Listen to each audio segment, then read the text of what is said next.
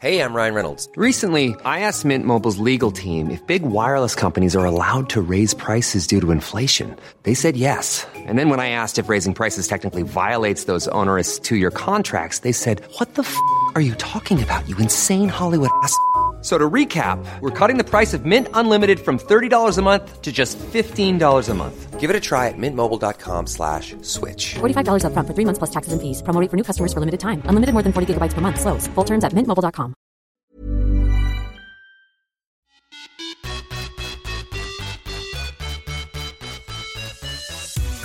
Hej och välkomna till ett nytt avsnitt av Viss och Svärm on the run.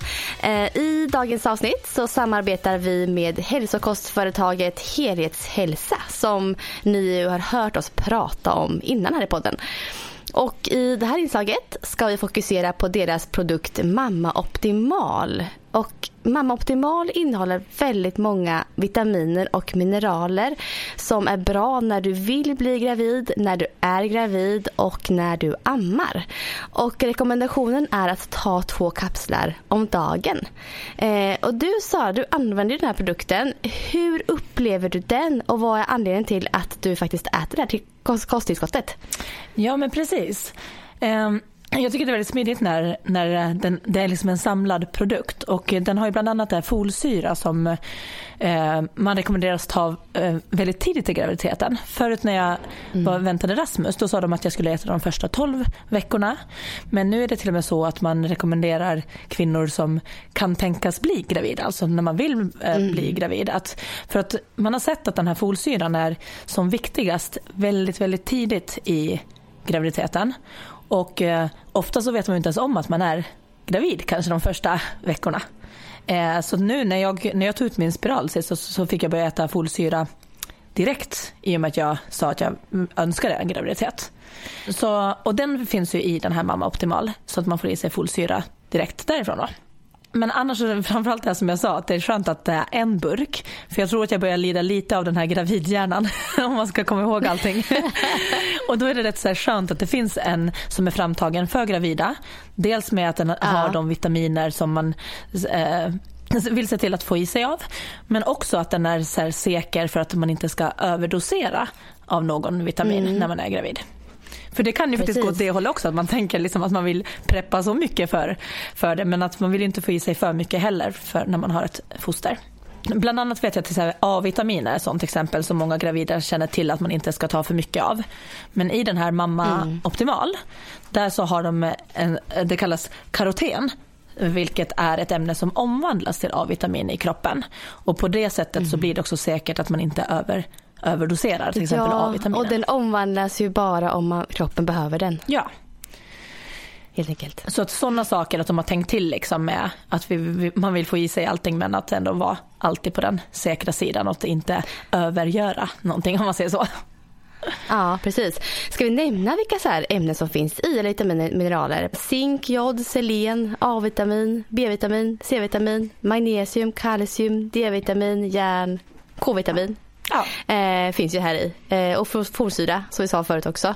Så det är väldigt många som inkluderas här och det är egentligen det är samlat i en produkt som är rekommenderad just för gravida och för ammande eh, kvinnor och de som vill bli gravida också. Ja, För den är väldigt bra. ja jättebra. Så vi tackar Helhälsa för att ni vill samarbeta med oss igen. Yes, tack så mycket.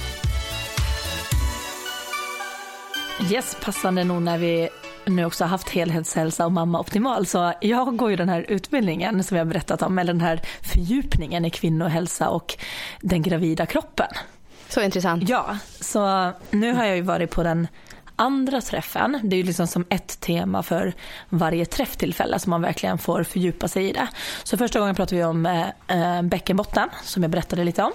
Eh, och den här senaste gången så hade vi om bäckensmärta. Så det är liksom en annan sak. Nu pratar man mer strukturen, alltså skelettet, bäckenbenet. Har du, har du Men haft... här Sara, för du har ju haft, nej men jag har faktiskt inte haft det men jag vet att du har ju haft Ja, bäckensmärta, eller hur? Exakt, och jag, jag hade en del med, i slutet med Rasmus. Um, eh, och jag kände det, jag har alltid känt det ganska tidigt men det har inte varit så stort besvär för mig så jag skulle säga att jag har liksom haft kanske en lindrig. Men på slutet med Rasmus då kunde det vara ändå vissa dagar som var verkligen att det påverkade min vardag också. Nu var det ändå så här att den här gången så var det faktiskt ett av det, det jag kände allra tidigast, typ vid vecka sex så kunde jag känna så här liten bäckensmärta men det, för, det försvann sen som tur var. Hur kändes, alltså hur kändes den liksom? Jag tänker att många kanske har det fast man inte vet om det riktigt. Ja, nej men precis. När man pratar om så här gravidrelaterad bäckensmärta då är det liksom det är det som många brukar kalla foglossning. Men vi försöker liksom ta bort foglossningsordet för det låter mer skrämmande än vad det är. Det låter som att det är någonting som lossnar liksom. Mm. Så att eh, jag vet att inom, inom vården och inom fysioterapi och så, där så försöker man, man vet ju vad patienten menar om den säger foglossning men vi, man, vi försöker mer och mer börja använda bäckensmärta, graviditetrelaterad bäckensmärta här då vid det här. Det. Men det är ofta så här, de områdena som är just den här för, vid graviditet. Man brukar säga att det, man kanske har hört SI-leden som är bak, alltså om man tar bak i bäckenbenet, om man tänker på varsin sida om nästan ner mot svanskotan.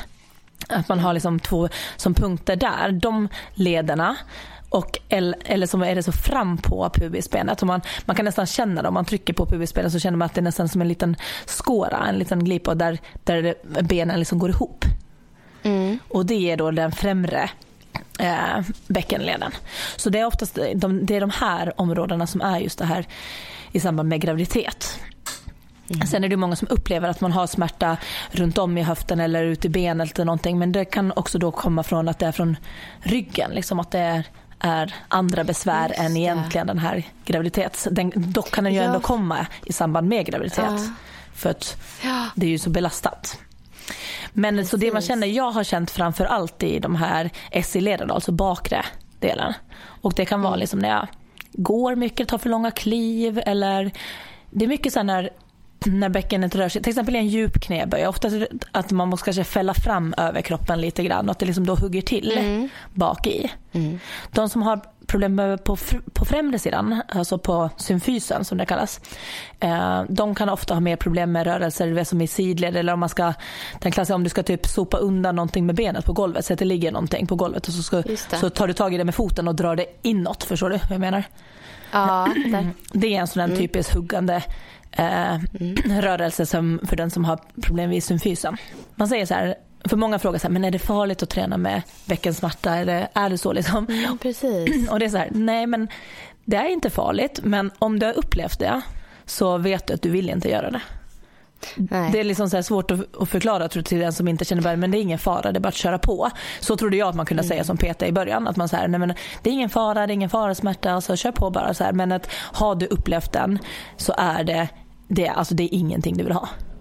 Nej. Jag tänker lite samma som diskbråck. Det är också så här, äh, smärtan är ingen farlig. Ja, det känns ju lite liknande så här du säger där. Ja, men det är lite ja, samma där ja. känslan. Man kan ju säga till en som har diskbråck också, nej men det är inte farligt. Men mm. det hjälper ju inte för smärtan är ju fortfarande där och den kan ju bli olidlig. Jag hade ju det en, en del. Eh, men inte alls tror jag så som många upplevt att det påverkat vardagen på så sätt. Nej. Men det som egentligen händer, liksom, så man vet inte riktigt varför smärtan kommer heller och på vilka. För att det man kan se att påverkar, det är ju dels att hållningen förändras under graviditeten. Eh, vissa muskler blir kanske överaktiverade liksom i musklerna, att de, de blir liksom överspända för att de liksom får hjälpa till att stabilisera. Man får lite ökad rörlighet i bäckenlederna och sen så har man hormonpåslag. Men man har inte sett liksom så här, aha men de som har liksom, den, de här, om man tar den här symfysen, den här lilla delningen då, som man har mellan i bäckenet, den, den vidgas lite grann under graviditeten. Det är inte mycket, alltså vi pratar alltså upp till en centimeter. Och den vidgas ju för att göra plats för en förlossning. Men man har inte heller kunnat se att, liksom så att, att har man en stor delning där eller bredd, att det är lika med mer smärta. Så att du kan ju ha en liksom ganska bred, eh, eller liksom mer, ja att det öppnas mer än vad någon annan. Men det, det hänger liksom inte ihop. Så man kan inte fortfarande riktigt säga så att det här är det som ger smärta. För att det verkar vara liksom lite olika för olika. Mm. Nej, men det är så, man får känna, försöka känna in så mycket som möjligt själv då eller? Alltså Ja. vart gränsen för träning går. Ja men precis och lite också så här fundera för att det är så lätt att, det märker jag också när jag har kunder att de säger så här men jag har, eh, jag har bäckensmärta eller någonting att, men att faktiskt försöka identifiera så här var, var är det det gör ont? För jag som tränare kan ju nu också veta om det liksom är med fram, främre, alltså symfysen eller det SI-leden. Då vet jag, kan jag också veta vilka övningar eller rörelser som triggar igång det mera. Så att Just det kan ju ändå vara bra att försöka identifiera så här, var är det det gör ont? Och där kan det också vara att vissa mer upplever att det liksom är så här, ja men det är ut mot, eh, mot säte eller ner i benet eller någonting. Då kan jag ju också som tränare liksom ana att det här kanske kommer från ryggen och inte från bäckenet. Ja, så det här fallet om man skulle ha problem så kanske man ska rekommendera att gå och skaffa sig hjälp liksom av en personlig tränare. Ja, eller en som fysio kan komma med som övningar som, eller en fysio, ja, Ja. precis. Så kolla lite så här, var, var någonstans har jag ont? Och sen när gör det ont? Är det vissa rikt, övningar, riktningar som gör det värre? Eh, Är det till exempel de här bakre SE-leden?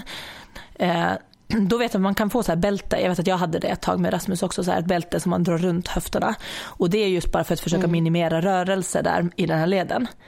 Men har man problem med främre, då upplever många att det inte riktigt hjälper med de där bältena till exempel. Så att man behöver lite identifiera vad det är och sen anpassa anpassa liksom, så för har du börjat ha ont, alltså så att du får ont eh, av träning eller av vardagen, så då är det lätt att det triggas igång mer och mer. Så här kan ju faktiskt träning, att bara köra på, det kan ju göra att den här varningssignalerna för dig som kikar ut att du har ont, den kan ju liksom bli aggressivare. Så att är det väl irriterat så skulle jag ändå vara försiktig med att liksom så försöka anpassa rörelserna till, till liksom rätt rörelse för dig. Och kanske anpassa dosen eller frekvensen på hur mycket man tränar eller hur mycket man gör de rörelserna. Däremot så är det ju fortfarande bra att träna. Så att eh, det gäller ju att liksom så här, jag vet att många har, eh, brukar använda liksom tankesättet att man ska gå som en tight kjol. Att det brukar ju hjälpa vid bäckensmärta, liksom så här, att man inte tar för stora kliv. Då förstår man också så här, trappor kan bli för värra. Alltså allting där vi sätter ojämn belastning. Det är här man många också har hört det här med, med utfallssteg under graviditeten. Att man inte ska göra det. Och det är ju också av den här anledningen att du får ojämnt belastning, belastning på bäckenet. Ja, precis. Eh, så det kan vara sånt, men det kan också vara eh, tunga lyft, djupa knäböj. Alltså man får ju liksom känna efter vad det, vad det är. Men man kan tänka lite den där kjolen för att kolla om det blir bättre. Att man går ganska korta steg och håller benen ganska ihop hela tiden. Kanske inte gör övningar där man kliver ut i sidled och sånt. Men det här frågar jag också just så här, om man inte har något problem alls. Eh, Är det då farligt att göra typ utfallssteg eller någonting? Kan man trigga igång? Kan man skapa problem? Och då var uppfattningen ändå att nej, att har du inget problem så behöver det inte vara dåligt för dig att göra utfallssteg. För det, Men det är bra som riktlinje ändå liksom. Ja men precis, för har man inte haft problem, men det, är ju, det här är ju mer liksom att när man börjar ha problem, då vill vi ju minimera det här för att inte belasta det, belasta det eller trigga, trigga smärtan. Men att man behöver inte så här, så som det här när vi pratar om rekommendationer, att från vecka 20 ta bort utfallssteg. Om dina utfallssteg känns precis som vanligt och du har aldrig någon obehagskänsla eller någonting, då finns det kanske ingen anledning för dig att ta bort dem. Men det är bra att känna till att Exakt. börjar man ha lite smärta eller att det känns konstigt, då är det viktigt att förstå i vilken ända kanske jag ska börja. Och att minimera det på träningen. Så, men för att annars så har ju liksom gravida har ju samma rekommendationer för vi vet ju alla att träning är superbra för en. Så att den här att röra på sig 30 minuter liksom om dagen, motion bara, plus de här träna 3 till 5 gånger i veckan eller vad det är, 15 till 30 minuter, alltså det här att få upp pulsen och vara lite mer aktiv. De är ju densamma för en gr- gravid och även för en som har foglossning. Så att det gäller ju att försöka hitta vad som funkar. Och här tror jag att många kan behöva hjälp typ med en PT. För det märker jag, ju haft kunder som inte har kunnat gjort någon benstyrka överhuvudtaget sista 15 veckorna kanske. Men vi har ju tränat på som vanligt och jag tror att där hade det kanske varit, jag är så van med att hitta på övningar, rörelser, problemlösning för folk i deras träning. Så att jag kan ju ganska snabbt ta fram ett helt träningsprogram som den kommer och kör där den kan i stort sett sitta ner. Och då är det bra för att man vet ju också att den att typ träning, även om man liksom inte kommer åt att ändra liksom hormonförändringar, det är ju ingen behandling på så sätt. Eller, och träning kan ju till och med trigga smärta. Men det vi vet Ja. att det är positivt det är ju ändå att du får ju också en ökad blodcirkulation som kan hjälpa. Och framförallt så genom att kunna fortsätta träna så förebygger du och underhåller liksom muskelstyrka och stabilitet. För det blir ju ändå att efteråt, har du inte kunnat göra någonting på väldigt länge så kommer du också vara försvagad runt bäckenet och ben och rumpa och mage. Precis. Så man får ju och liksom om man inte tänka... tränar och rör på sig alls så kanske foglossningssymptom blir, eller bäckensmärtan blir ännu värre tänker jag också. Ja, nej men precis. För det, det, det musklerna har ju ändå en funktion att de kan stabilisera upp och stärka ett utsatt område. Ja, Så kommer precis. man åt det på något sätt, om det kan vara en benspark en maskin eller liksom någon övning som funkar, så är det viktigt att fortsätta göra de övningarna. För du kommer ju ha med dig allting du har gjort så kommer du ju ändå liksom ha nytta av efteråt också. Så är det så att du bara kan sitta och dra och göra några roddövningar också så kan det vara jättebra. Men det man ofta får tyvärr höra som när man har foglossning då kan det vara så här, nej du kan inte träna men försök att ta lite promenader. Och promenader är ju egentligen en sak som ofta inte alls är bra. För att där har du liksom den är lite längre kliv. Det är nog väldigt, går- ja, det är nog vanlig rekommendation tror jag. Exakt. Verkligen. Så det kanske är bättre, funkar bättre att sätta sig och ro. Eller jag vet att vissa har kunnat köra crosstrainer med att man ställer sig väldigt smalt vet du, på de där fotstöden. Just det. Så väldigt smalt och så och det har funkat för vissa och man kan få prova stå långt fram eller långt bak för att kolla om det blir annat med tyngdpunkten. Eller cykel sittande. Så man kan ju ändå få hitta sina sätt men det handlar ju lite om sin motivation då till att fortsätta Ja, och att då precis. kanske ta hjälp också för att hålla motivationen uppe och sätta det ansvaret lite på någon annan som kan hjälpa. Jag, för jag kan ju inte veta exakt hur det, hur det känns för personen men jag brukar i stort sett alltid hitta alternativ som funkar. För jag kan ju också göra en knäböj på kanske 15 olika sätt. Medan för en annan Ja, är det bara så här precis. knäböj funkar inte. Och sen så tar den bort knäböj. Mm. Medan jag kanske har o- 15 olika varianter på den. En sak som jag lärde mig som är, är nytt, eller så här, man har sagt annorlunda förut. Och det är det här med att efter graviditeten, då har man ju sagt att man behöver vara väldigt försiktig efteråt för att relaxinet ligger kvar. Det här har jag tror jag har sagt i podden också, att relaxinet ligger kvar upp till ett år och framförallt om man ammar. Det har de sett nu på en ny studie att det stämmer inte. Aha, Så relaxinet går egentligen ner direkt dagen efter förlossning. direkt ut. Oj, Så att, att man, det har jag också fått höra. Ja, och det, och det har man sagt länge. Men det här är ganska nytt. Ah. Liksom, att man säger att relaxinet finns inte Mm. kvar efteråt. Så att man, man behöver inte vara rädd för att man har de här mjuka överrörliga leder. Du vet, eh, så som man brukar tänka. Ehm, men däremot så kan du fortfarande ha du vet, den här bredden i fogarna och de, den kan ju fortfarande Mm. vara ökad och du kan vara svagare för att du inte, eller du är ju svagare för du har ju inte kunnat tränat och belastat som vanligt. Så att det betyder ju inte att bara för att du inte, eller har du ont efteråt så det kan ju fortfarande vara kopplat till graviditeten men då är det oftast kring liksom muskulära eller ryggen eller sånt. Det är inte i alla fall av relaxinet i sig. Mm, intressant. Men den här utbildningen som du går verkar ju så jäkla bra alltså, och väldigt värdefull för dig att använda jobbet. Ja, för där frågar jag också så här, ja, men då är det Framöver. löpning efteråt frågar jag. Så här, men hur är det då? För det är ju den här ojämn belastning och sådär. Eh, att då borde ju inte den vara liksom så farligt för bäckenet.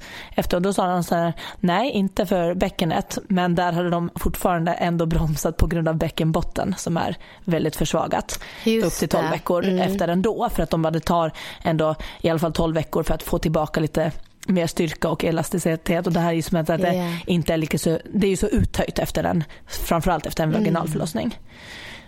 Så att de sa av den anledningen så skulle de fortfarande inte rekommendera löpning eh, direkt efter en förlossning.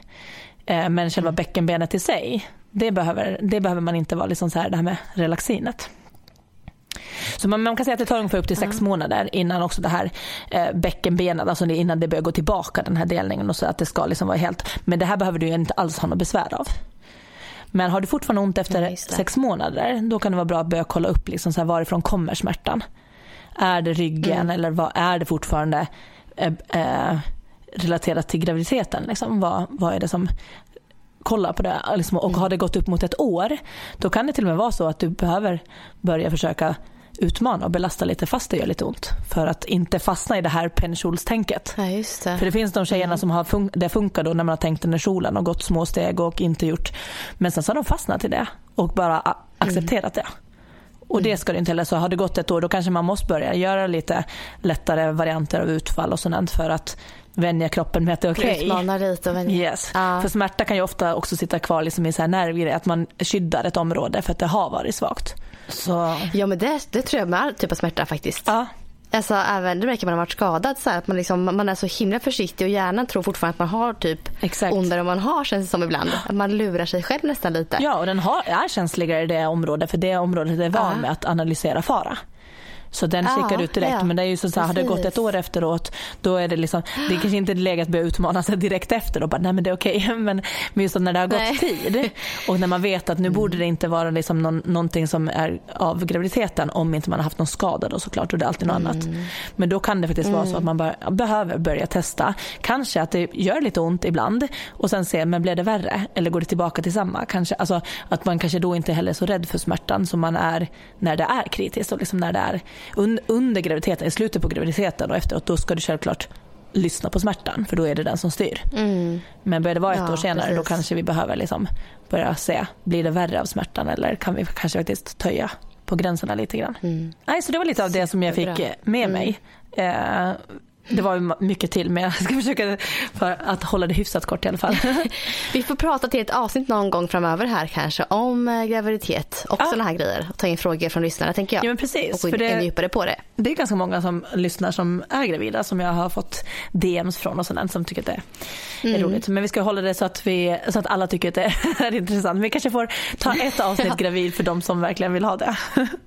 Ja, precis. Men nu nästa eh, träff som jag ska på, då är det fokus på magmuskeldelningen och liksom allt det här kring, kring allt från buktryck till allt, eh, ja, den här diastasen som många pratar om. Alltså det tror jag väldigt många är eh, intresserade av att lyssna på. Ja, så det ska bli superintressant.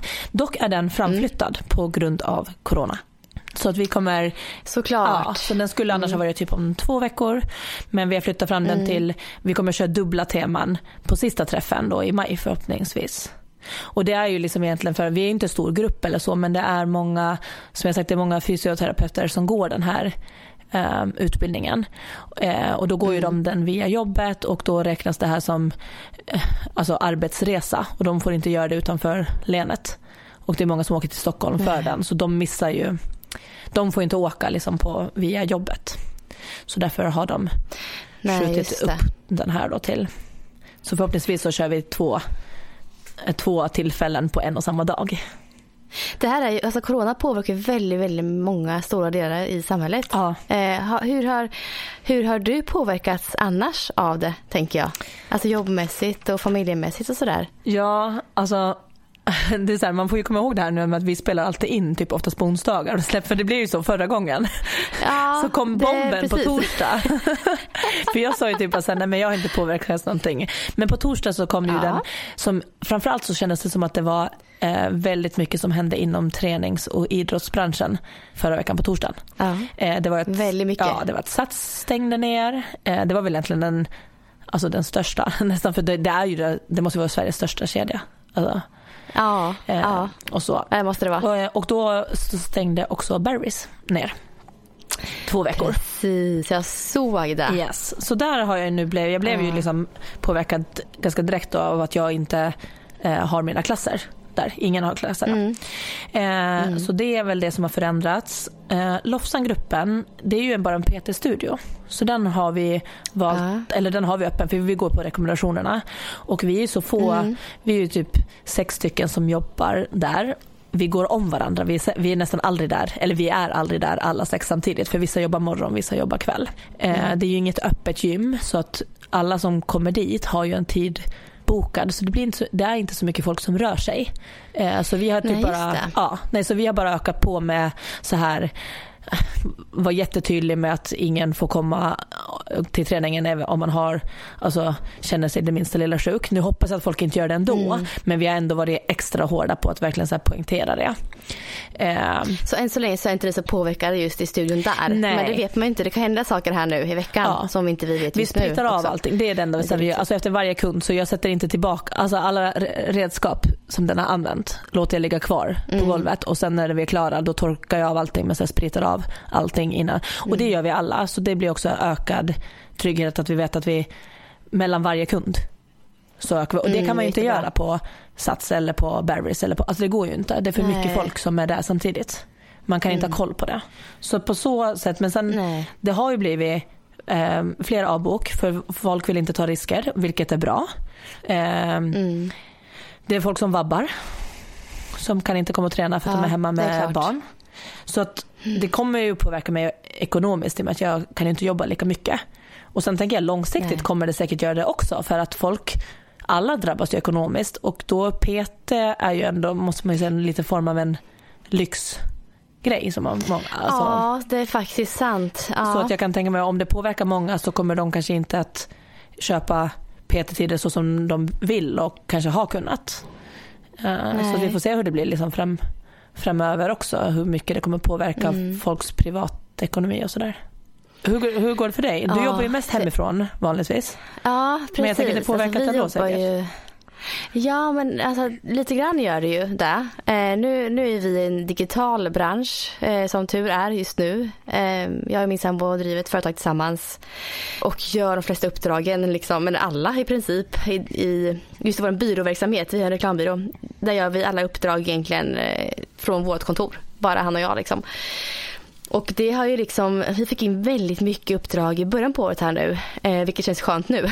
I och med att vi vet ju inte hur mycket uppdrag det blir nu på sikt eftersom att många drar, alltså håller igen lite så. De vill väl inte anlita för mycket företag till olika saker eh, för att man själv kanske är i kris som företag. Ja, och så lite det här ovetande. Om man inte riktigt vet vad som kommer Mm. Ja. hända. Så jag tänker man kanske pausar allting lite eh, av den Jag anledningen att, också. För eh, att känna ja, av. precis.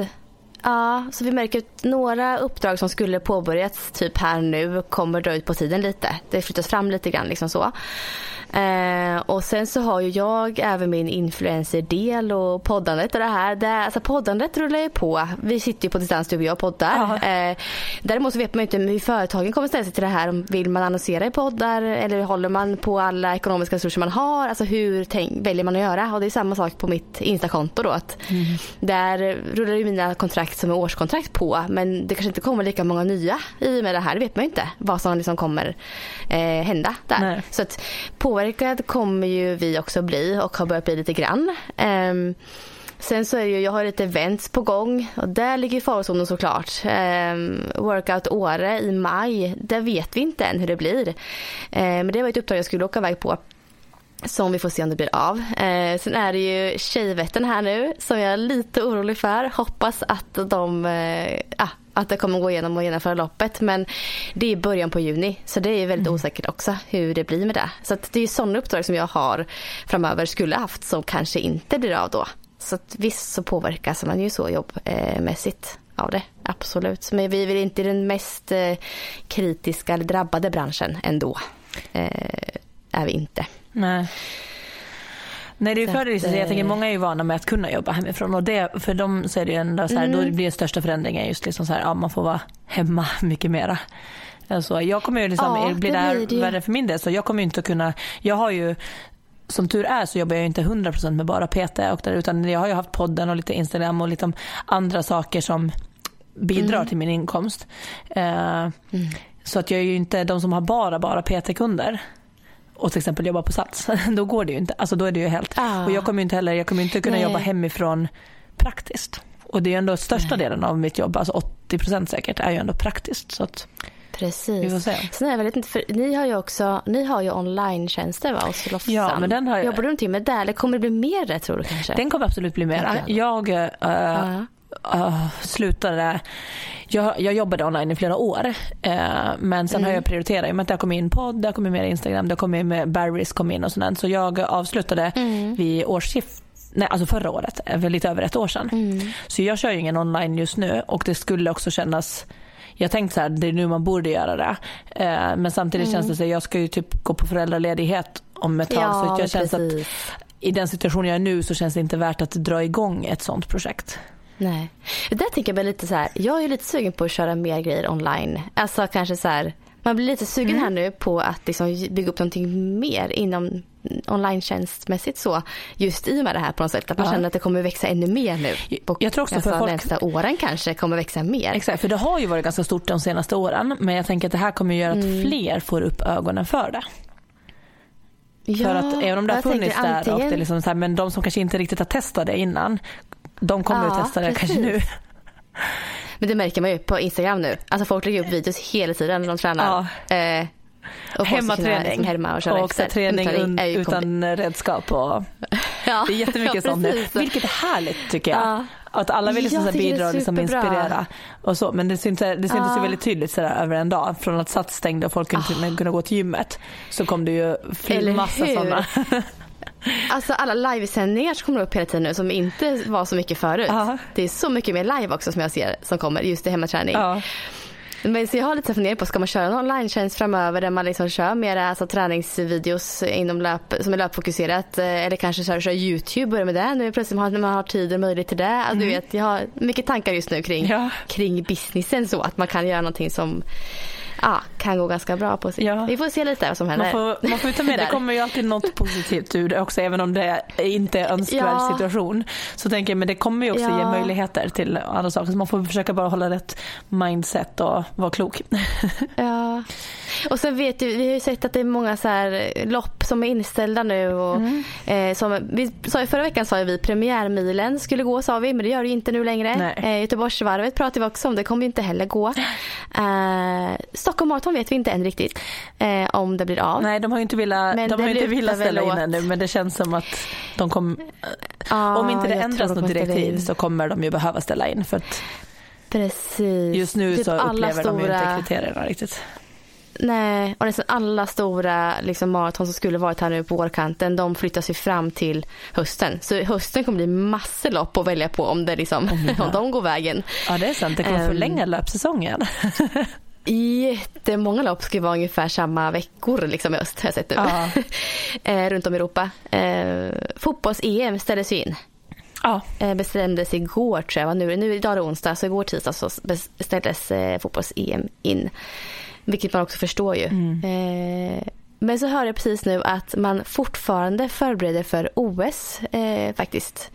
Så det, ja, men det känns ju med väldigt mycket i farozonen att det ska jag bli tror av. det. Men jag tänker så här, det, det är ju så stort evene, ä- ä- evenemang Ja. så att de måste ju nog fortsätta planera för det. För ifall att det skulle släppas upp så skulle de ju inte hinna annars. Precis. Så jag tror att de Nej. gör det fast de, de anar nog vart det kommer gå. Men de måste ju, så Ja. länge hoppet finns så kommer de nog få Ja. fortsätta planera för det. Mm. Så, men jag tänker på Ja, det, det är är så här, väldigt många. det här med alltså alla lopp som ställs in och alla så personliga känslor kring det hela. För jag tycker ändå så här att det är helt Ja. okej att få känna att man är ledsen eller besviken för att man äh, hoppades på att springa ett PB eller springa sitt första mara. Eller, alltså, och det tycker jag att ändå ska så få vara okej att känna. För att man kan ju ändå förstå och tycka att det är ett bra beslut. Men det tar ju inte bort Ja. att man samtidigt kan få känna sig besviken eller eh, ledsen över det. Nej men precis, det är så, det är så lätt att döma nu. Ja. Det känns som att man, man dömer varandra väldigt mycket nu. Vad, vilka val man gör och ja, hur man känner i olika saker. Men vi är ju alla i samma sitt så det är ingen som tycker att det här är något bra. Nej. Alltså såklart. Men jag förstår också att många som har haft mål inställda nu är besvikna och ledsna över det. Ja. Men att klart, klart att jag hoppas att de också faktiskt känner att det här ändå tar över och eh, det går inte att göra någonting åt det liksom. Det är ju som det är liksom lite. Ja men precis, jag tror man får liksom så här sörja lite, acceptera och sen därför Ja. försöka igen det där med som vi sa, var inne på lite mindsetet på vad, vad kan jag göra nu och hitta liksom en kanske en ny, ny nisch. För har man haft ett mål med att det har varit väldigt resultatinriktat eller liksom just för ett lopp då förstår jag att det känns jättetomt och liksom nästan kanske lite onödigt att fortsätta. Ja. Men jag tänker det är då det blir också viktigt att försöka hitta det här. Vi har ju pratat förut om motivation och då det här inre och yttre motivation. Och ett lopp i sig är ju ganska kanske ett yttre motivation. eller Att man ska genomföra, man ska få sin medalj, man ska få sin tid. Vilket är jättebra källa till motivation. Men nu blir det mer tydligt att vi behöver hitta den inre drivkraften för att Ja, orka ha verkligen. motivationen uppe och vilja eller liksom hitta glädjen i träningen. Mm. Ja, och vi såg ju, vi pratade här igår sa ju att du hade sett någon som skulle springa, eller många som skulle springa Stockholm Marathon. Om det inte blir av så kommer de ändå springa Stockholm Marathon hemma den dagen. Ja. Och det tycker jag man Och även vissa kanske spring- till och med springer exakt samma sträcka om det går. Det kanske lite av, äh, så här. Men ändå Ja. man ändå bestämmer sig att springa maraton den dagen. Om man nu har, för jag tycker att är man i, en, i typ, säg vem man har nu tränat i Stockholm Marathon. Eh, man är ju ganska långt in i sin träning nu. Man har ju nästan börjat göra Mm. Ja, de tuffaste delarna. Ja, Så då tycker jag att det där ja. lät ju jättehärligt. Så jag bara, okej, men oavsett så springer jag ett maraton den dagen. Eh, precis så som att, Ja. och inte börja skjuta på det, men då tar jag det veckan efter om det ändå inte spelar någon roll. Utan nej, låtsas att det så här, ta utmaningen hela vägen, hela vägen ut. Ja.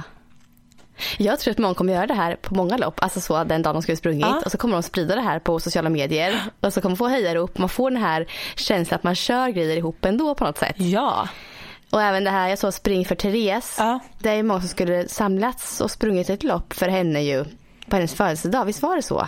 ja jag tror, jag tror det var födelsedag eller någon dag precis innan eller någonting. Men det var någon form av så här. eh, för Therese Alvén som gick bort eh, förra året. Ehm, och det kommer ju många göra ändå, Mm. tror jag, på hemmaplan också.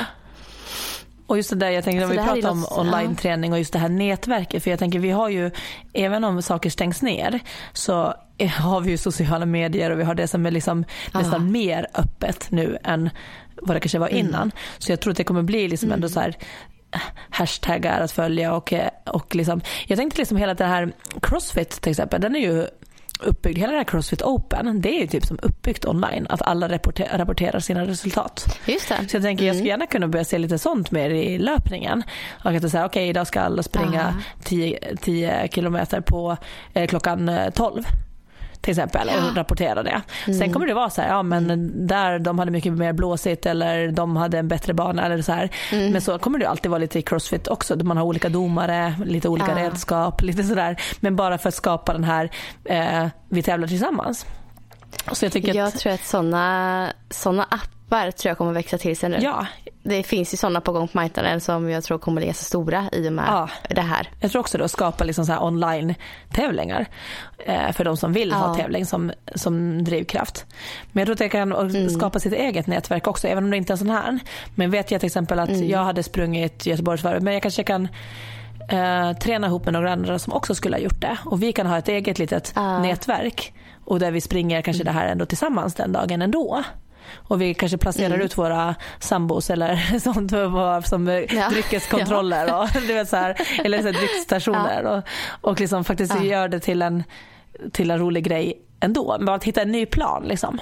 Jag tror många kommer vara lite besvikna, trötta på det här ett tag och så kommer det vända till att vi, nu måste vi liksom hitta en lösning på det istället. Att man löser det på sitt sätt och det här kan ju vara en lösning då om man ska springa ett lopp. Att man, ja nej men vi kör ändå liksom. Och fler kommer köra med mig fast på distans och vissa kanske kommer träffa på riktigt och lära känna nya människor som springer. Ja, men jag tror att man kan, jag tror det kommer någonting bra av det här också kommer göra. Ja. Ändå.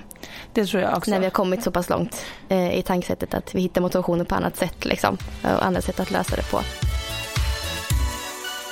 Jag läste, jag vet att eh, jag följer en, eller några av de här finska häcklöparskarna. De, är- det är jättemånga som är duktiga på, eller de är ett starkt gäng på 100 meter häck i Finland. De är liksom på, eh, nej alltså, de, de är upp på, på världsnivå i form av att komma i alla fall med på VM och OS och sådär. Och då är det några som har kvalat, som kvalade förra året, som kvalade in till OS. Och en av de tjejerna är, jag tror att hon är lika gammal, gammal som mig. Eh, och hon gjorde en comeback. Hon var borta från friidrotten 4-5 år och kom, kom tillbaka och slagit sina pers och kvalade för första gången in också som nu till OS. Eh, så hon skulle ju köra. Och OS var fjärde år Ja också. precis. Det var Eh, om men- fyra år så är hon ganska Ja gammal. exakt. Eh, men då var det ändå så här, jag tyckte det var så här härligt att se för hon hade lagt ut någonting så här att det är väldigt så här eh, eh, tider nu som man, man vet ju ingenting. Eh, och så där. Men att hon, hon skrev ändå så här att jag, jag älskar liksom ändå friidrottsträningen och att jag tränar för att bli snabbare och starkare. Och att oavsett om det är ett OS eller inte så är det fortfarande därför hon tränar och att hon älskar den känslan av att känna sig starkare, snabbare och liksom bättre på häcken. Så att oavsett om det är ett OS i sommar eller om hon jagar sina tider hemma på hemmaarenan i Finland utan publik så känner hon fortfarande drivkraften till att för att hon älskar att springa snabbt. Härligt att höra. Ja, och det var ju den där jag kände så också så här, för jag kommer ihåg att jag sa det någon gång till Lasse någon gång när han var också rädd att jag skulle börja jaga resultat så mycket när jag pratade mycket om det här under 12 och under, du vet så här, att, jag, att han var liksom lite Ja. rädd att jag skulle bli besviken om jag inte gjorde det. Och så. så då kommer jag ihåg att jag sa ändå då, redan då till honom också så här, men, hade någon sagt så här att du får fortsätta att, att träna friidrott och den här typ, den här sprinten och liksom det här, men att du får aldrig mer tävla. Jag bara, då hade jag fortsatt, ändå fortsatt träna för jag tycker att det är så jäkla kul och jag mår så bra och det, jag älskar känslan som löpningen ger mig. Och just den här typen av löpning. Jag, bara, jag blir liksom glad. Jag, jag får ett lyckorus av att springa snabbt. Och jag tror att det här kan nästan vara det bästa, mitt bästa tips till någon som verkligen så här, om nu känner så här, bara, men, åh, varför ska jag springa om jag inte har det eller, eller varför, alltså verkligen stanna upp och fundera, skriv ner alla som positiva tankar om löpning eller om träning och hur det liksom påverkar dig i din vardag. För att om jag vet nej, men jag blir glad, jag får en paus i vardagen, jag känner mig stark. Jag blir på riktigt lycklig av att få springa snabbt och jag älskar att utvecklas. Ingenting av det tas ju ifrån mig även om jag inte får tävla eller springa det loppet. Precis. Jag kan ju fortfarande känna min Då utveckling. kan det vara motivation, ja, och det kan det bli motivationen till fortsatt träning Ja, egentligen och glädjen i det. så jag tror att verkligen bara försöka sätta ner vad, vad det betyder för dig. Och där kan det också vara att man kanske behöver hitta en liten annan träningsform. Eller. För jag kan jämföra det när jag tränade, om jag, förut så, det var en period som jag tränade att slå rekordet på milen. Och den träningen var så här, Ja. jag känner ju det, min kropp och jag, jag mår bra av att antingen springa snabbt eller så ska jag lunka och springa långt du vet, för att få den här härliga komma ut och röra på sig och bara springa med mina Ja. egna tankar. Den är också en sak som jag absolut skulle kunna ha som drivkraft. Men just att den här jaga tiden på milen för mig, det var så här att jag kunde nästan ha lite ångest inför passen för jag visste att det här kommer vara så tufft. Eh, det gjorde ganska Alltså det gjorde såklart ont i passen för att eh, det var ju mycket den typ av pass som min kropp inte riktigt är van med och inte riktigt föredrar.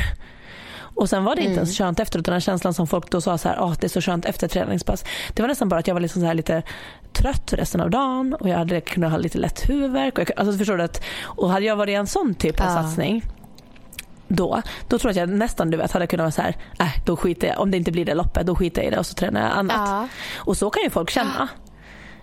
Men, och då vet man också så här, men tror jag. då kanske jag, inte, jag kanske inte ska sluta springa men jag kanske ska hitta ett annat syfte till varför jag springer. Att jag kanske inte ska jaga tiden på milen.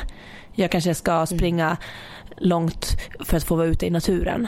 Eller för att prata med min kompis samtidigt eller köra en paus att springa och lyssna på poddar. Eller just här springa snabbt för att jag älskar att få ta i. Så att jag tror att det kan vara lite bra att stanna Gud, upp lite. Men det är intressant. Ja, ja, men det tror jag absolut.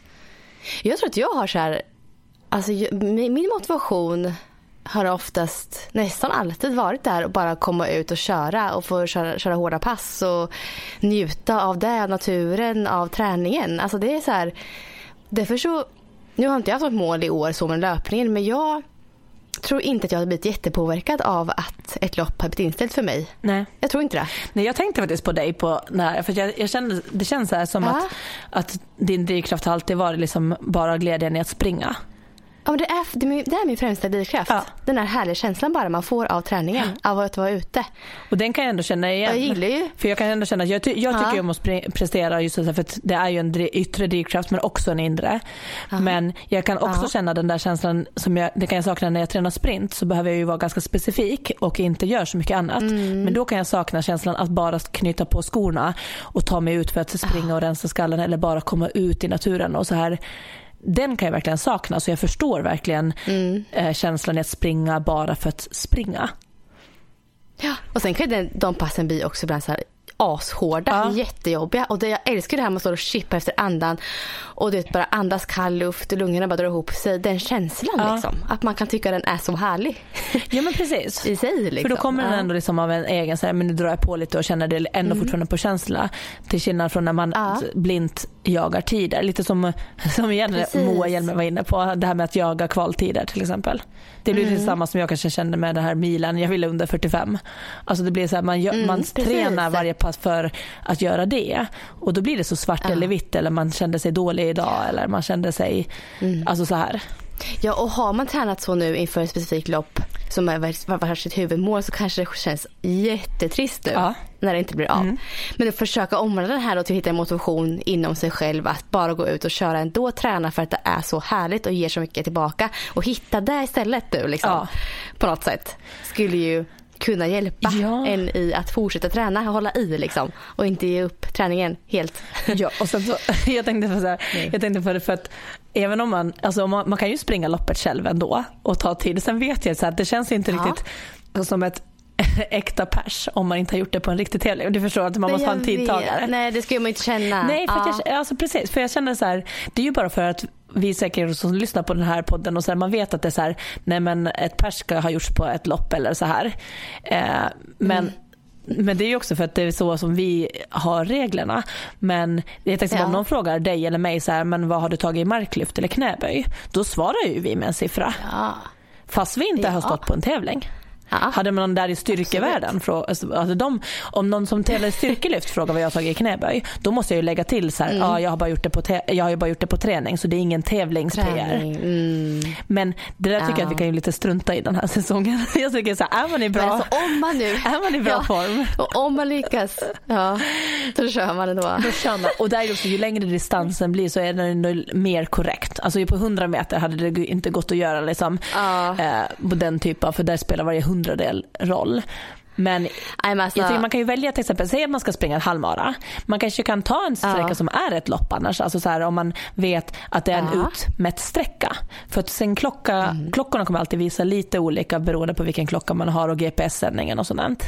Eh, Mm. Men vet man så här, nej men typ den här banan är det på eh, Tjejmilen 21K. Och så springer man den. Då är det ju en kontrollmätt Mm. bana. Och då tycker jag och att sen man får den. Det är, ju, det är ju svårt ändå. Alltså om man lyckas persa utan att det är tävling Ja. på riktigt, då gör man en jäkla bedrift Ja. alltså. Då är det ju sjukt bra kan jag säga. För det är svårt att persa när man inte har publiken och Nej, inte har exakt. liksom, jublet och deltagarna bredvid som kan hänga på någon. Så om man lyckas persa nu alltså, utan att det är lopp på riktigt så uh, då har man ju verkligen presterat Ja. väldigt bra. Ja. ja men för det kommer bli lite så. För det kan ju vara att man har här checkar. Att man ska väl checka av någonting liksom och vill klara det. Så då tycker jag att liksom så här, Mm. jag tycker att det är helt okej när man inte är en, vi är inga, det är inga elitlöpare liksom. Om, om Johanna Nej. Bäcklund lys- lyssnar på det här så det räknas inte för henne. Nej. Men för oss, Men för motionären. exakt, för oss andra så tycker jag att, att är man i form och vill testa och man eh, är redo för ett persa, då gör man ett pers och så tar man det med sig. Och jag, jag skulle säga att man Ja. får säga att det är ens pers också. Och om man blir besviken då och inte persar, om man inte persar då lyckas göra det och blir besviken på tiden, Ja. då ska man inte vara för besviken. För att det är en jäkla skillnad alltså. Ja, det är verkligen det. det är det. Alltså jag som person, jag vet vissa som jag följer, typ, de kanske så springer ungefär samma tider på träning som tävling. Men för mig är det jätteskillnad. Alltså jag presterar så mycket sämre på träning, alltså rent minut, alltså kilometertidsmässigt, Ja. än vad jag gör på tävling. Det är jätteskillnad för mig verkligen. Jag håller med. Och för de allra flesta tror jag att det är så. Jag håller med. Men, Så man ska inte bli besviken nej, heller. men jag tror att, jag tror att för mig hade det, bara att liksom bestämma så här fortfarande att datumet är bestämt. Ja. Det är inte bara så här nu var jag ute och sprang Ja. och det kändes bra idag så därför persar jag. Utan ändå så här att man bestämmer en dag, en tid eh, och kanske har någon med sig som också framförallt vet om Precis. att idag ska jag persa. Jag tror att bara det kan ändå hjälpa Ja. en att skapa den där tävlingskänslan och eh, motivationen och Ja. ha någon som man har bestämt att men du står där när jag har sprungit 12. Då står du där och hejar. Och sådär. Jag tror det skulle kunna hjälpa Mm. Ja. jättemycket och ändå få fram den där känslan av det lopp som man har tänkt göra. Liksom. Ja, och skulle man kanske kört Tjejmilen 21K med ett gäng på 5-10 tjejer så kanske man kan göra det Ja. tillsammans. Allihopa då. Om, om man fortfarande får det nu då, då i Sverige i april här, i mitten på april. Ja, men jag tror att utomhus, inte liksom, vad direktiven blir. utomhus några stycken, så jag har svårt att tro att, alltså säg att man bara är Ja. fem, sex stycken. Det har ju jättesvårt Precis. att förstå. Nej, det tror inte jag heller. Så det kommer nog kunna gå att eh, genomföra. Man får se. I och för sig, vissa länder har ju, det här är verkligen, det är så olika i alla länder nu. Jag hörde nu vad det igår, var det Storbritannien? Och jag vet inte ens varifrån de tog det här, men då sa, sa de ju på tv att, att gamla och gravida eh, rekommenderas vara hemma i 12 veckor. Va? Alltså, och jag vet inte. Gravida ja, också? exakt. Och jag har inte hört någonting om här gravidfall eller alltså Nej. någonting. Men då började jag tänka så här, åh, då fick jag en liten panikkänsla av att tänka så här, tänk om jag skulle måste vara hemma Ja. i 12 veckor. Alltså det är, det är i stort sett, Ja. det är nästan resten av tiden. Men vad oväntat det var för det har inte kommit någonting på det som sagt. Men det bara kom så här, jag bara, vänta. När det gäller gravida. Jag trodde det var Storbritannien som hade det. Eh, och det kom så här helt otippat. Men då var det så här, oj, den, den hoppas jag på inte kommer hit. Nej. Jag tänker hur, Alltså, hur folk, vad som händer inte- mentalt med folk att vara isolerade så länge. Alltså det här med isolation, ja precis. Ja, nej. Nej vi hoppas inte att det blir så Sara. Jag tror inte jag det. hoppas att kunna, jag har ju som, som, samtidigt Eh. kände så här, är det någonstans jag ska bli isolerad så jag trivs ändå bra hemma på Storholmen. Jag har mitt gym, jag har en assaultbike som jag kan liksom sitta på gården och trampa. Ja ni har ju ett utegym, jag blir så avundsjuk på det. Visst. Jag såg häromdagen när ni körde på Ja, Instagram. vi skojade så att Åh, vi har liksom härligt. bunkrat med rätt saker. Ja, helt rätt saker. Vi har en crosstrainer faktiskt hemma. Ja, men exakt. I alla fall. Då har man det i alla fall som man kan. Den kommer jag stå på om jag inte får gå ut. Och du, på tal om det, det hörde, det här var ju i början när det här bara var i Kina. Det måste jag bara, ändå Ja. bara berätta. För att det var, då var det ju på nyheterna om det var någon som missade. Det var, eller nej, det var på radio, det var inte på nyheterna. Men var, hade det någon, då är det någon eh, kinesisk, någon eh, maratonlöpare. Som Mm. alla skulle ju bara vara hemma. Och då, han var ju verkligen så här i sin satsning och skulle så skulle han springa typ 50 kilometer den dagen. Och då hade han livestreamat på Youtube när han springer runt sitt köksbord i Nej. 50 kilometer.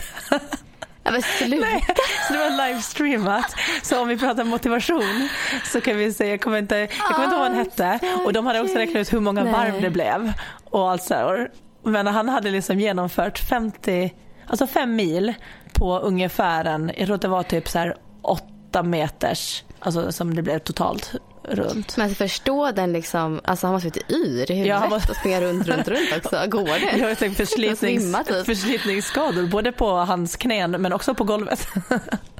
Ja. Han måste ha bytt varv Ja, i alla fall. gud. Men så att vill man ja. så går det kan vi i alla fall säga med den.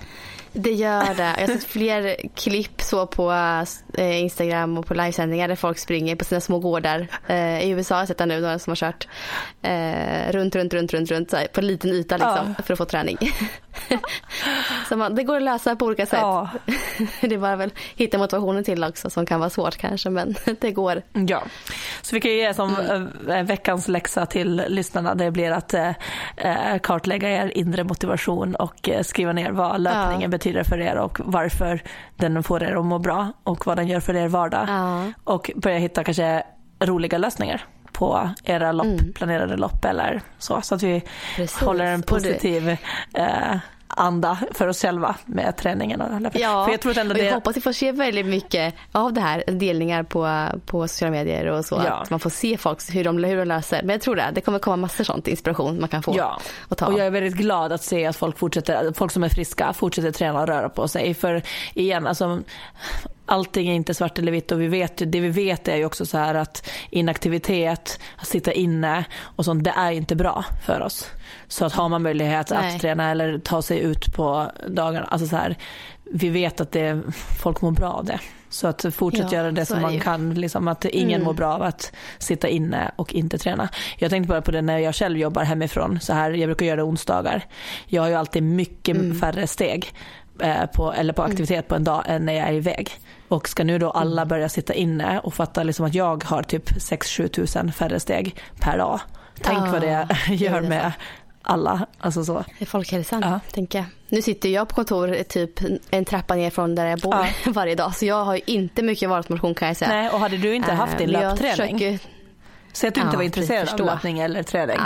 Alltså det blir ganska snabbt väldigt inaktivt. Nej, Alfie mår inte bra där alltså. Nej, det hade inte gått. Plus att jag äter massa gott. Nej, så försök att träna på. Ja, precis. Jag hoppas att ni som lyssnar tränar på så gott ni kan och försöker hålla motivationen uppe. Ja, och humör uppe. Så bra som möjligt. Och vara snälla med varandra, ta hand om varandra och Ja, var försöka att inte döma varandra. varandra allt för mycket för vi alla reagerar Ja. olika. Ja, verkligen. Bra sagt Sara. ja, men du, ha det så bra nu så hörs vi eh, nästa vecka. Får vi se vad som har hänt Ja. i det här läget. Då. Det gör vi. ha det bra. Hej. Hej då.